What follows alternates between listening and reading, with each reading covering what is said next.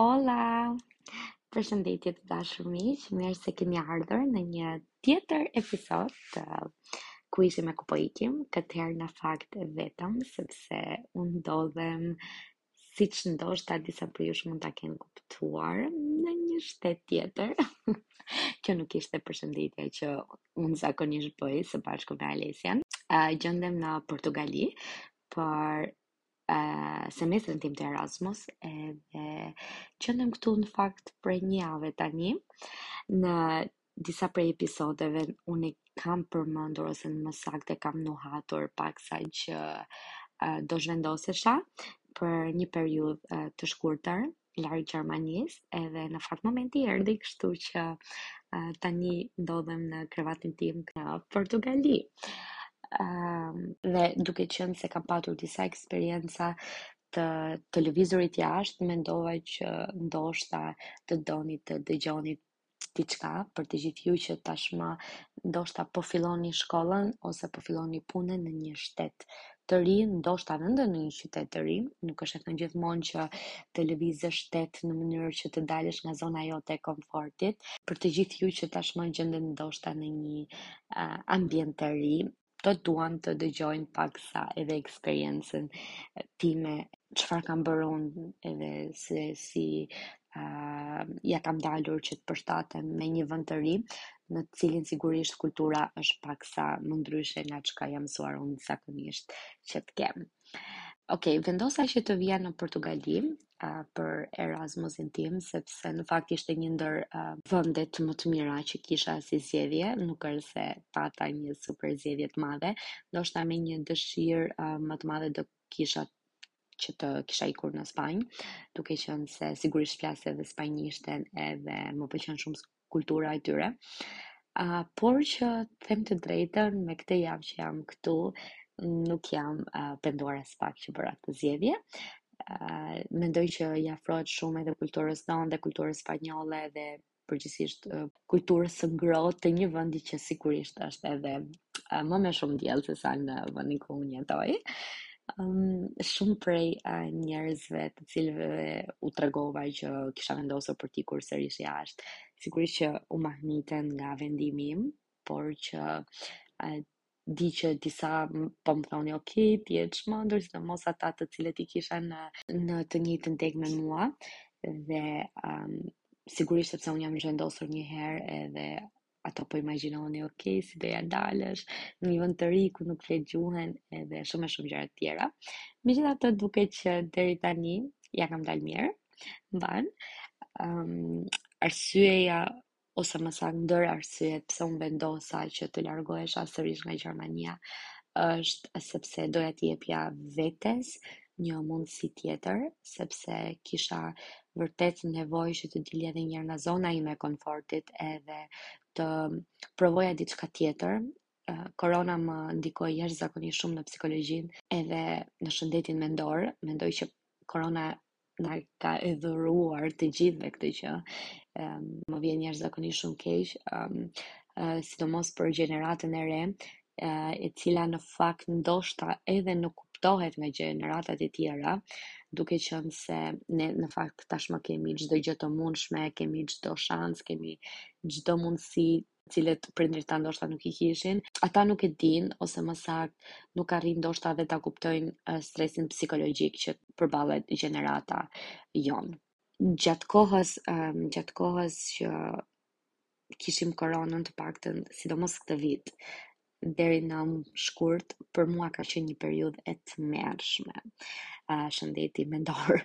Um, mendoj që Alesia e di më mirë se sa vetë unë, sepse mua më kujtohen vetëm momentet kur um, qaja edhe kur nuk po gjeja dot motivim fare për të bërë asgjë nga planet që kisha. Dhe Alesia ishte personi i parë me të cilën sigurisht vija në kontakt sepse nuk doja t'shqetësoja familjen. Më duhej të shprehesha diku dhe shyqyr Zotit, nuk jam një person që vetëm uh, mbyllem brenda vetes time, por gjithmonë e, e tregoj atë çka kam edhe përpiqem që ta ndaj dhimbjen edhe çdo stres edhe çdo mendim negativ që kam me të tjerët dhe uh, Alesia më ka ndihmuar jashtëzakonisht në këtë pjesë. Um, kështu që pas kësaj periudhe, uh, duke qenë se realisht po çmendesha në apartamentin tim shumë të vogël në Gjermani, nëse mund ta quaj të tillë, mendova që ok, kam nevojë për diçka të re, diçka të cilën uh, nuk mund ta bëj dot këtu, sepse sigurisht që tashmë qyteti është shumë i njohur për mua. Njerëzit sigurisht që janë të njohur edhe çdo gjë që unë kam tashmë në Gjermani në Bonn, uh, respektivisht është uh, tashmë si në Tiranë, pak a shumë, um, sigurisht jo, ndoshta 100%, por paksa dhe me siguri që uh, nuk do ta përjetoja dot një gjë të re në Bon, kështu që nuk mund të ndryshoja dot qytet sepse uh, nuk kisha arsye, më duhet të përfundoja shkollën. Kështu që mendova, mendova dhe unë gjithmonë e kam pas në fakt një ëndërr në sirtarin tim. Ka qenë që të vija në Erasmus, që të vija uh, diku tjetër, edhe të përjetoja edhe një herë se çfarë do të thotë uh, të të jesh në një vend të panjohur, um, ku nuk njeh asnjë shpirt njeriu, si të thuash, ku ia fillon çdo gjë nga zeroja. Fillova direkt të interesohesha sigurisht për procedura, çfarë më duheshin, ku ishin mundësitë e mia, cilat qëndronin shanset dhe të them të drejtën e kam filluar jo të them të drejtën, po realisht e kam filluar çdo gjë si lojë. Domethënë, pas kësaj periudhe të errët që pata, kjo ishte shtysa që mora sigurisht për, për dalë jashtë shtetit, sërisht, joja ishte në xhep, domethënë nuk kisha asgjë për të humbur, thjesht doja që të shikoja nëse realisht mund të arrija apo jo. Dhe uh, pasi kërkova në në faqen e universitetit se cilat ishin dokumentat, ku ishin uh, mundësitë për të bërë Erasmusin, e shumë e shumë të tjera. Uh, fillova që t'i mblidhja, një nga një, pata disa intervista, disa takime, uh, të cilat në fakt uh, ishin në uh, takime të ndryshme në periudha në periudha të ndryshme kohore, kështu që në fakt deri në momentin që unë kam ardhur në Portugali realisht nuk e kam realizuar dot që po ndodh, sepse um, ka filluar që në mars procesi i aplikimit edhe deri në gusht ku unë mora edhe po-në përfundimtare nga universiteti këtu. Uh, akoma mendoja jo, realisht nuk do ia dal, nuk do iki. Uh, më dukej diçka tepër e pamundur, sepse kam qenë ndoshta e vetmja ose ndër të vetmet e nga studentet e tjera të cilat dëshironin që të iknin edhe një herë jashtë, eh, të paktën edhe nga eh, vajzat e tjera që kisha në eh, në degën time dhe që tashmë kishin studiuar diku tjetër edhe ok, preferuan që të qëndronin në Gjermani. Por unë e pashë si një mundësi shumë të mirë uh, për të më dhënë një sfidë tjetër dhe si një luan që jam, sigurisht që duhet ta kapja. Në fakt procedura akoma vazhdon të jetë paksa e komplikuar, sidomos ne që vijmë nga uh, vendet uh, e jo Bashkimit Evropian, um, kemi shumë e shumë letra për të bërë dhe nuk është kaq e thjeshtë. por ja dola si e si, uh, akoma kam disa gjëra për të bërë, kështu që uh, nuk mund t'ja them plotësisht që ja dola, por që shpresojmë që javën tjetër uh, viti shkollor uh, të fillojë normalisht edhe në fakt do jem për një semestër, kështu që semestri të fillojë. Megjithatë, uh, më duhet t'ju them që uh, në qershor. Isha dakord, nuk është se po e mendoja shumë procesin e të lëvizurit. Tek unë po zgjoheshe diçka, sigurisht që kur e di që po të pret një aventurë tjetër,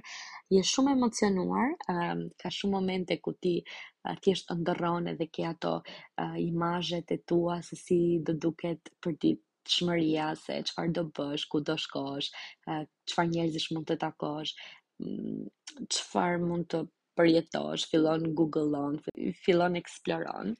por brenda meje uh, po zgjohej edhe një frikë shumë e madhe. Um, mendoj që për shumicën e njerëzve të cilët në fakt shkojnë në një vend tjetër, zgjohet diçka e re, ose më saktë diçka të cilën ndoshta të gjithë ne e kemi kur uh, fillojmë një veprimtari të re, por të shkosh në një vend tjetër mendoj që frika është akoma dhe më e madhe. Edhe siç po siç nga një anë po ngrihej gëzimi për të lëvizur edhe për për të marrë këtë iniciativë, nga ana tjetër po zgjohej edhe kjo frika shumë e madhe mbi vete edhe pesha e vendimeve, sepse sigurisht çdo vendim që ti merr çon në një uh, një pasojë tjetër, sepse për shkak të vendimit të, të shkuarit në Erasmus, mua m'u desh që të leja një punë për shembull, um, e cila në fakt ishte një punë shumë e mirë, por që nuk mund ta bëja nga vendi ku jam. Uh, më duhej të lija shpinë ku qëndroja. Kështu që uh, aty në qershor po filloja dhe po realizoja se çfarë çfarë kisha marrë përsipër dhe të them të drejtën, um, ishte një frikë goxha, goxha e madhe. Um, është një frikë që secili prej nesh e ka dhe është diçka tepër normale, kështu që nëse po mendoni tani uh, për të ikur jashtë vendit, kjo është shenja juaj ose kjo është shenja jote dëgjues, edhe miku ose mikesha jone e emisionit që ta ndërmarrësh këtë veprim, sepse realisht gjithmonë më ka provuar që është ndër gjërat më të mira që mund të bësh në jetën tënde. Pasi plotësova të gjitha dokumentat edhe procedura që sigurisht është gjithmonë e njëjta burokracia e madhe, por um, fillova pastaj që të kërkoja për shpi në vendin ku do vija, edhe këtë herë përveç se të zhvendosesha në një vend të ri, ndërmora përsipër që të jetoja dhe me njerëz të tjerë, gjë që unë nuk e kam bërë praktikisht prej shumë kohësh, që prej kohës kur unë isha një au pair, um, u bë tre vite që jetoj në shpinë time edhe unë jam një person që jetoj Me shumë qejf vetëm, nuk e kam fare problem, nuk mërzitem, ëm e shijoj kohën, e shik i- ë, gjej gjithmonë diçka për të bërë, domethënë nuk kam mërzi. Dhe këtë herë vendosa që ta ndërmerrja këtë sfidë, ëm mbi supe dhe jetoj tashmë me tre të tjerë, dy portugeze dhe një gjerman. Ëm uh, deri tani ka rezultuar ok, por uh, më duhet ta shikoj në vazhdim. Por që më besoj që uh, do t'ju them më vonë se si do jetë, sepse kam thjesht një javë këtu, por realisht më duket sikur kam një muaj sepse kam qenë gjatë gjithë kohës duke parë gjëra të reja dhe duke përjetuar gjëra të reja. Për të gjithë ju ndoshta e dini pak a shumë se si funksionon Erasmusi, kështu që nga ana financiare nuk është se duhet të mm, të kisha shumë merake mbi kurriz, sepse ne marrim një bursë uh, financiare nga uh, fondacioni i Erasmusit, kështu që kjo është diçka shumë e mirë për të gjithë ju që doni të lëvizni jashtë vendit dhe ndoshta sigurisht nuk i keni ato uh, mundësitë financiare për ta bërë këtë gjë, mendoj që është uh, ndër zgjedhjet më të mira sigurisht. Dhe uh, pasi gjeta shpinë, në fakt u uh, qëllova shumë me fat dhe ju sugjeroj që të përdorni çdo um, çdo mjet të mundshëm për të kërkuar shtëpi, po në fakt mua gjithmonë efiçente më kanë rezultuar uh, grupet e Facebookut dhe uh, në fakt aty e gjeta edhe dhomën time aktuale. Um, Pastaj, pasi gjeta shpinë, sigurisht që prenotova fluturimin edhe erdha, erdha. Di t'ju them që jam përshëndetur me miqtë e mi sikur po shkoja në luftë dhe jo sikur po shkoja për një pushim të gjatë, mund ta konsideroj këtë gjë, sepse um, nuk është as një vit, Prap unë e ndjeva këtë nevojën sikur ë e ndjeva një nevojën që të qaja. Unë i urrej përshëndetjet, o Zot, për mua janë gjëja më e tmerrshme që mund të ë që mund të më ndodhë edhe pse e di që njerëzit do t'i takoj sërisht, ëm edhe pse e di që do rikthehem sërisht në atë vend, unë përshëndetjet i kam shumë inat. Personalisht i urrej dhe ish kur mundem i shmang me të gjitha kostot. Um, edhe po, erdha. erdha arrita, uh, kisha dy valixhe të mëdhaja dhe uh, unë si një person me shumë ankth, gjithmonë mendoj më të keqen, realisht, uh, nuk gjithmonë mendoj sikur o zot çfarë do bëj, kam dy valixhe, si do gjej autobuzin, si do gjej uh, trenin, si do arrij, si do shkoj, si do vij. Dhe në fakt në fund çdo gjë shkon në rregull, nuk ka asnjë lloj problem për këtë dhe mendoj që pikërisht nëse mundon mundohuni mundohuni që uh, të minimizoni stresin që i shkaktoni vetes në mendjen tuaj sepse realisht asgjë e keqe nga ato që mendoni nuk do ndodhë. jua them nga eksperienca personale dhe si një njeri që është super overthinker edhe super me ankth për situatat e reja, asnjëherë nuk ndodh ajo e keqe që mendoj unë dhe um, kam filluar sigurisht ta ndryshoj këtë gjë, siç e shikoni tashmë jam në një vend tjetër, kështu që sigurisht që e kam lehtësuar pak peshën që i jap uh, emocioneve të mia edhe mendimeve të mia. Um, po, edhe arrita, çdo gjë shkoi mirë, më më ndihmoi një zonjë që të vija direkt në shtëpi dhe të mos të sorollatesha rrugëve, kështu që e, ishte diçka shumë pozitive. Mendoj që Zoti dërgon disa engjëj ose nëse ju preferoni universi ose një forcë e madhe, gjithmonë dërgon disa engjëj gjatë rrugës tuaj. Edhe personalisht mua gjithmonë më ka ndodhur dhe në herën e parë kur unë jam zhvendosur um, në Gjermani, um, gjithmonë më kanë qëlluar njerëz afër, domethënë gjithmonë njerëz të cilët më kanë dhënë informacionin e duhur, ku ky informacion më ka dërguar në vendin e duhur, në kohën e duhur për diçka tjetër, e cila më ka shtyrë dhe më ka më ka dhënë diçka tjetër. Kështu që mendoj që e, të gjitha vendime që marrim, sado që të na duket sikur janë jetë a vdekje, mendoj që në fund të fundit çdo gjë do shkojë në vendin e caktuar dhe në rrjedhën e duhur. Kështu që uh, unë jam një person që jam shumë i hapur ndaj uh, ndaj njohjeve të reja, ndaj uh, personave të të rinj, edhe realisht um, gjithashtu për shembull kur shikoj që njerëzit kanë nevojë për ndihmën time, jam jam gjithmonë unë ajo që jap ndihmën e para, sepse um, Po, më pëlqen të të futem tek problemet e të tjerëve, nëse mund ta quaj kështu. E di që ndonjëherë bëj gabim, po në shumicën e rasteve gjithmonë ja ka vlejtur,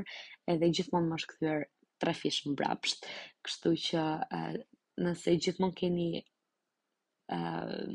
keni në dorë që të ndihmoni me gjënë sa më të vogël, dijeni që do t'ju kthehet sërish në një situatë tjetër të vështirë ku ju nuk e keni menduar. Për momentin dhoma në fakt është goxha me hapësirë, më pëlqen. Ëm um, dhe siç e thash, duke qenë se jetoj me tre njerëz të tjerë, do shikohet uh, vazhdimësia e çdo gjëje tjetër. Por që është uh, për momentin në rregull. Ëm um, Duke ardhur këtu, sigurisht që uh, është një program i caktuar për ne, uh, që na lejon që të njihemi me njerëz të tjerë, që do të thotë nuk është si në fillim, si në Gjermani ku unë praktikisht nuk dija asgjë se si mund të bëja njohje të reja, domethënë ka qenë realisht situata e parë në jetë ku unë kam ndjerë nevojën e të kërkuarit të miqve, edhe atje unë e kam bërë për shembull nga anë shumë të ndryshme. Mbaj mend që shikoja në Facebook kishte grupe të posaçme, kështu që nëse nëse po zhvendoseni në një vend tjetër, ju sugjeroj patjetër që ta përdorni Facebookun, edhe pse mund të duket pak si ë uh, jashtë mode, uh, por është shumë ndihmues. Uh, janë grupe specifike në Facebook ku njerëzit uh, postojnë edhe për shembull gjithmonë nëse shkoni në një vend të ri, qoftë edhe një qytet të ri, jo vetëm një shtet të ri, klikoni uh, expats, um, expats in Portugal, expats in uh, Germany ose thjesht expats in Porto, uh, expats in Lisbon or expats in Berlin or expats in Tirana. Dhe në këtë formë gjithmonë do keni do keni uh, akses të grupeve të ndryshme të njerëzve të cilët ndodhen në të njëjtën situatë si ju edhe nëse bëni një postim do merrni me qindra njoftime dhe me qindra uh, mesazhe, mendoj unë, varet sigurisht nga nga qyteti ku jeni dhe se sa internacional që është, por më kanë rezultuar gjithmonë efektive. Uh, një mënyrë tjetër që unë kam bërë dikur miq në uh, Gjermani ka qenë duke shkuar sigurisht tek kursi i gjuhës. Domethënë mos e neglizhoni kurrë mundësinë për për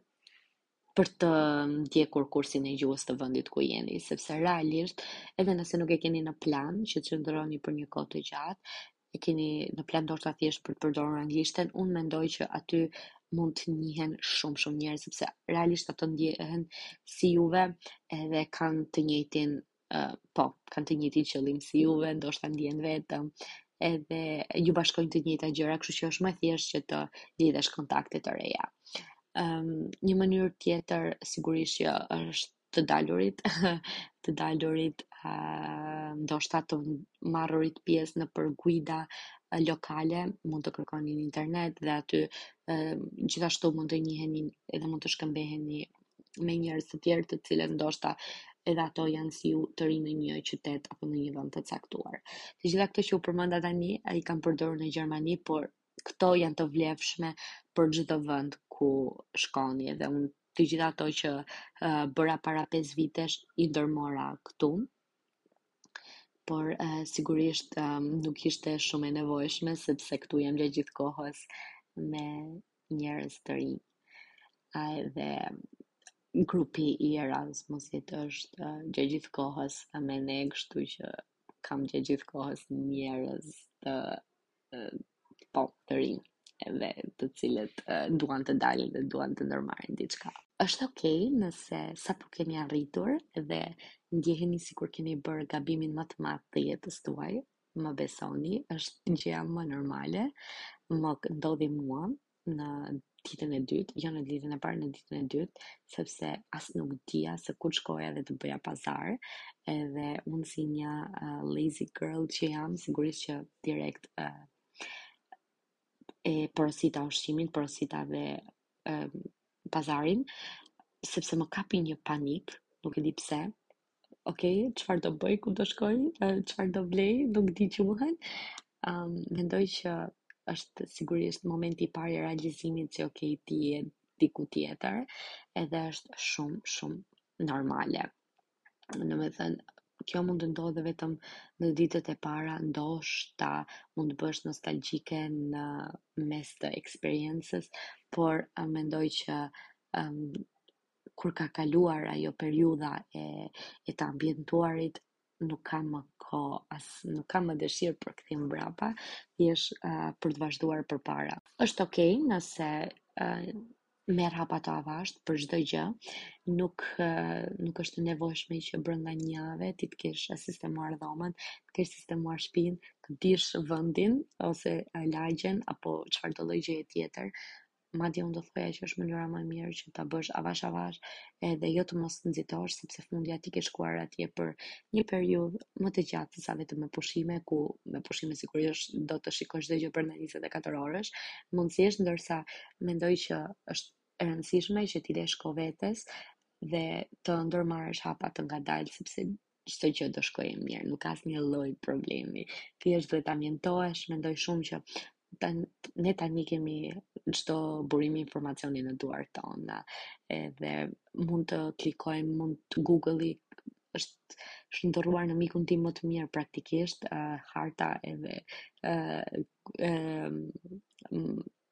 Google search, kështu që për çdo problem tashmë e ka një zgjidhje ose të paktën për shumicën e problemeve. Google-i mund t'i japë një zgjidhje, kështu që është shumë në rregull nëse çdo gjë e merr me avash edhe Uh, filloni eksploroni, filloni eksploroni shtëpinë, filloni ambientoni me dhomën si fillim, pastaj me me pastaj me kuzhinën, me gjërat e tjera, pastaj dilni jashtë shtëpisë, është shumë e nevojshme që të dilni jashtë shtëpisë, edhe pse si fillim mund të duket paksa sikur, mm, çfarë do bëj jam vetëm, nuk njoh asnjeri. Thjesht dil, lëviz, kërko një vend ose kërko diçka, nuk e di, një park që ndodhet në qytet ose një muze ose kërko disa muze të cilët ndodhen në të njëjtën rrugë dhe thjesht bëj sightseeing ose mund thjesht të kërkosh një kafe që është afër qendrës edhe mund të ulesh aty të porosisësh një kafe, një pije, edhe të shijosh, të shijosh njerëzit që kalojnë rrugëve nuk e di por që nuk ka asnjë lloj problemi. Ë, domethënë e di që për shumicën e personave të paktën dhe për mua, unë e urrej të udhëtoj vetëm. Edhe është ndër gjërat për të cilat po përpiqem që ta luftoj edhe të mundohem që të marr iniciativa ku jam dhe vetëm edhe a, kështu që kjo do jetë një sfidë për mua, por um, ajo çka realisht kam lexuar dhe kam dëgjuar është që është më mirë të jesh vetëm ndonjëherë se sa me të tjerë kur bën udhëtime. Pastaj pasi um, je ambientuar paksa me me lagjen ose me disa gjëra të njohura të cilat ti mund t'i përdorësh si pika orientimi, sigurisht që mirë do ishte pastaj të shikosh edhe për mënyrat e transportit se çfarë mund të përdorësh, nëse ka trena, nëse ka vetëm autobuza, cilat janë linjat më frekuente, nëse ato janë edhe gjatë natës në rast se sigurisht do të dalësh në një parti dhe më pas do të kthehesh herë në mëngjes. Është mirë që këto informacione t'i dish paraprakisht sepse mund të të ndodh që ti të ndodhesh në një situatë ku ti nuk e di se ku është autobuzi, kështu që dhe nuk e di nëse do ketë një autobus, kështu që është mirë që sigurisht ta marrësh informacionin përpara. Edhe pse kur zhvendosesh në një vend të ri duket sikur ke shumë para, sikur të paktën me Erasmusin, sepse merr disa lek në fillim, por ato duhet t'i ndash për muaj që je. Um, duhet të bësh kujdes, sepse realisht në një vend të ri mund të të ndodhë që t'i shpenzosh shumë herë më shpejt se sa në në fundin ose në shtëpinë tënde, ku je praktikisht gjithmonë. Kështu që unë do thoja që realisht të blini sa më shumë në supermarket dhe t'i gatuani në shtëpi. Për të gjitha ata ose ato të cilët nuk janë amvisa të mira, ndonjëherë edhe thjesht pasta me pesto është një zgjidhje tepër e mirë, po të paktën mundohuni që uh, vetëm një vakt ta hani jashtë dhe jo të dyja vaktet, sepse mëngjeset janë shumë të menaxhueshëm,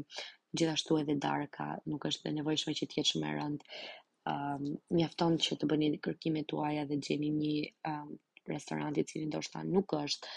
i shtrenjtë, unë për vete besoj që të paktën drekën do ta ha në kantinën e shkollës edhe um, mëngjesi do jetë shumë bazik, siç unë, jo bazik, por thjesht shumë i thjesht, me një jogurt, me granola edhe me fruta, gjëja më e mirë, ose uh, vez, tomate, djatë, uh, për të filluar ditën, edhe, po, kjo domethënë është shumë e rëndësishme, madje unë do thoja që të keni edhe një listë të, të të gjitha gjërave që shpenzoni edhe që të keni pak a shumë dhe idenë se ku i shpenzoni më shumë dhe ku jo. Um, diçka tjetër që do t'ju sugjeroja është patjetër që të interesoheni për um, evente të ndryshme, të cilat mund të ndodhin në qytet, për shembull këtu në uh, Braga ishte dhe vazhdon të jetë për një periudhë prej 4 javësh një event i caktuar ku për shembull një gotë verë edhe një snack në 42 restorante kushton thjesht 3.5 euro dhe uh, si këto mendoj që ka në shumë vende, um, sigurisht jo si kjo, por ka disa evente kulturore ku mund të merrni pjesë edhe është mirë që gjithmonë të jeni të update-uar, madje çdo qytet mendoj që e ka një faqe për turizmin dhe aty janë edhe të gjitha informacionet, të gjitha takimet ku ju mund të merrni pjesë, kështu që jua sugjeroj, mjafton që të kërkoni nuk e di uh, visit Portugal, visit um, Tirana, po them vendin tonë, qytetin tonë, ose qytetin tim më saktë, por um, visit Rome, visit Italy, uh, visit uh, Budapest. Domethënë, shumica fillojnë me visit ose me diçka tjetër, por që um, çdo shtet do thoja dhe çdo qytet madje, sidomos uh, qytetet e, uh, e bashkimit Europian kanë një faqe për turizmin, ku realisht aty mund të bëni dhe miq, të lidhni kontaktet, edhe të keni diçka për të bërë. Madje për newcomers ka gjithmonë edhe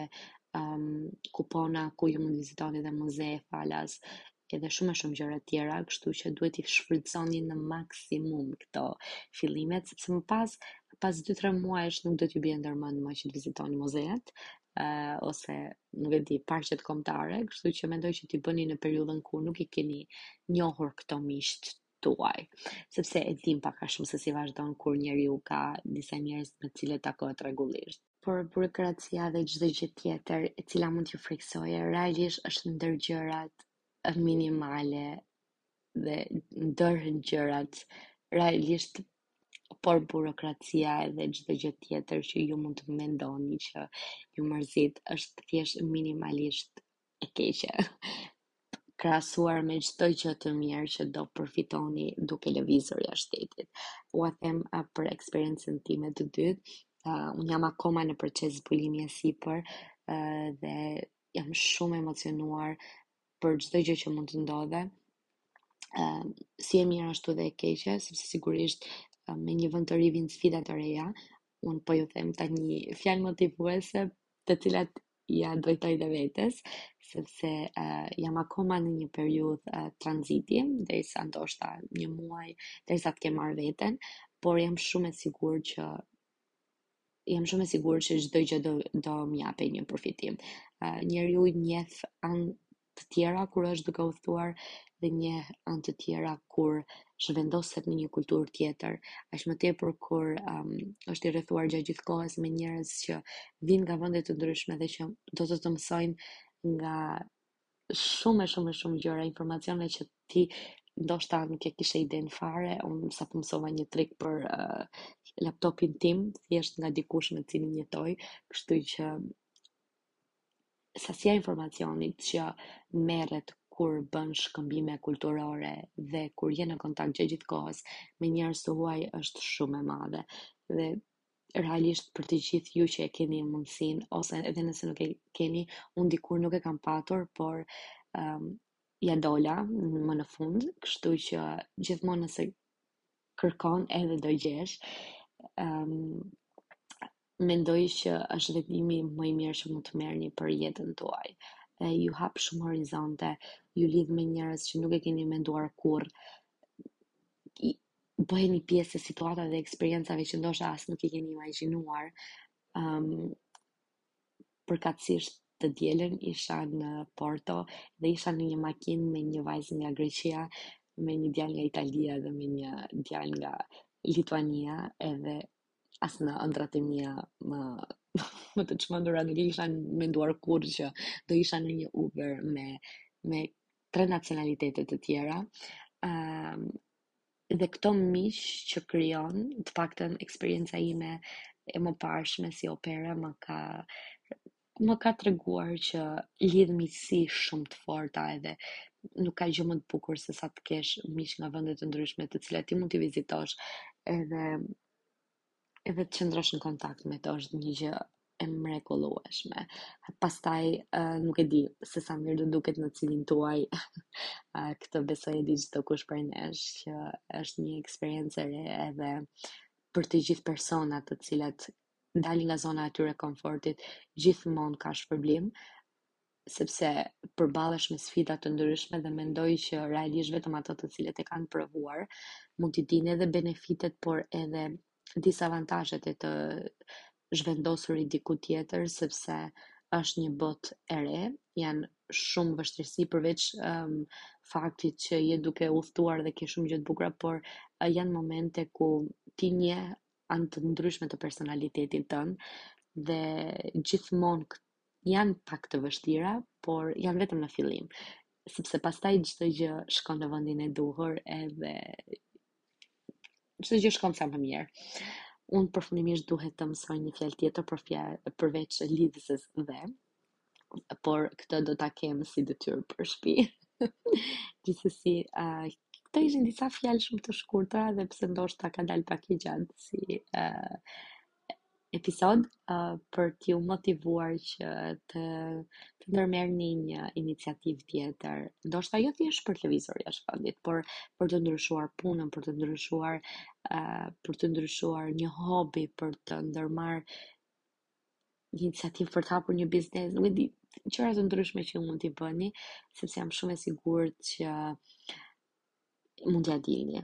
Tashmë ekzistojnë shumë, shumë mundësi, madje do t'ju tregoj një shembull tani si përmbyllje të një djali që është pjesë e grupit të Erasmusit, ku un jam, menaxhon skuadrën e Erasmusit dhe ai ishte 34 vjeç e para nuk dukej nga fiziku dhe e dyta kishte studiuar um, juridikun dhe kishte mbaruar të gjithë procesin e studimit, kishte shkuar në dy Erasmus, kishte punuar në profesionin e tij edhe prej 4 vitesh është muzikant. Hoqi dorë nga çdo gjë që kishte bër deri në moshën 30 vjeçare, pra punën, shkollën dhe çfarëdo që kishte bërë. Në rregull, shkollën e përfundoi, por uh, ndryshoi komplet drejtimin e jetës së tij, edhe mendoj që ka qenë ose është ndër personat realisht që kur ta tregojnë historinë e tyre thjesht të japin një si tip uh, drite në në mendimet e tua dhe të thonë që ok, je akoma në kohë ti mund të bësh çdo gjë të mundshme kemi shanse të pafundme. Mjafton që thjesht të kemi shëndetin mirë dhe çdo gjë tjetër do do jetë e mrekullueshme. Unë ju falenderoj shumë që më keni dëgjuar deri tani për këto këshilla të vogla që ju dhash. Ëm um, pa merak Alesia vazhdon të jetë uh, bashkëprezantuesja e emisionit dhe shoqja ime e ngushtë. Um, madje e përqafoj fort edhe atë, gjithashtu dhe juve të cilët um, qëndruat deri në këto momente dhe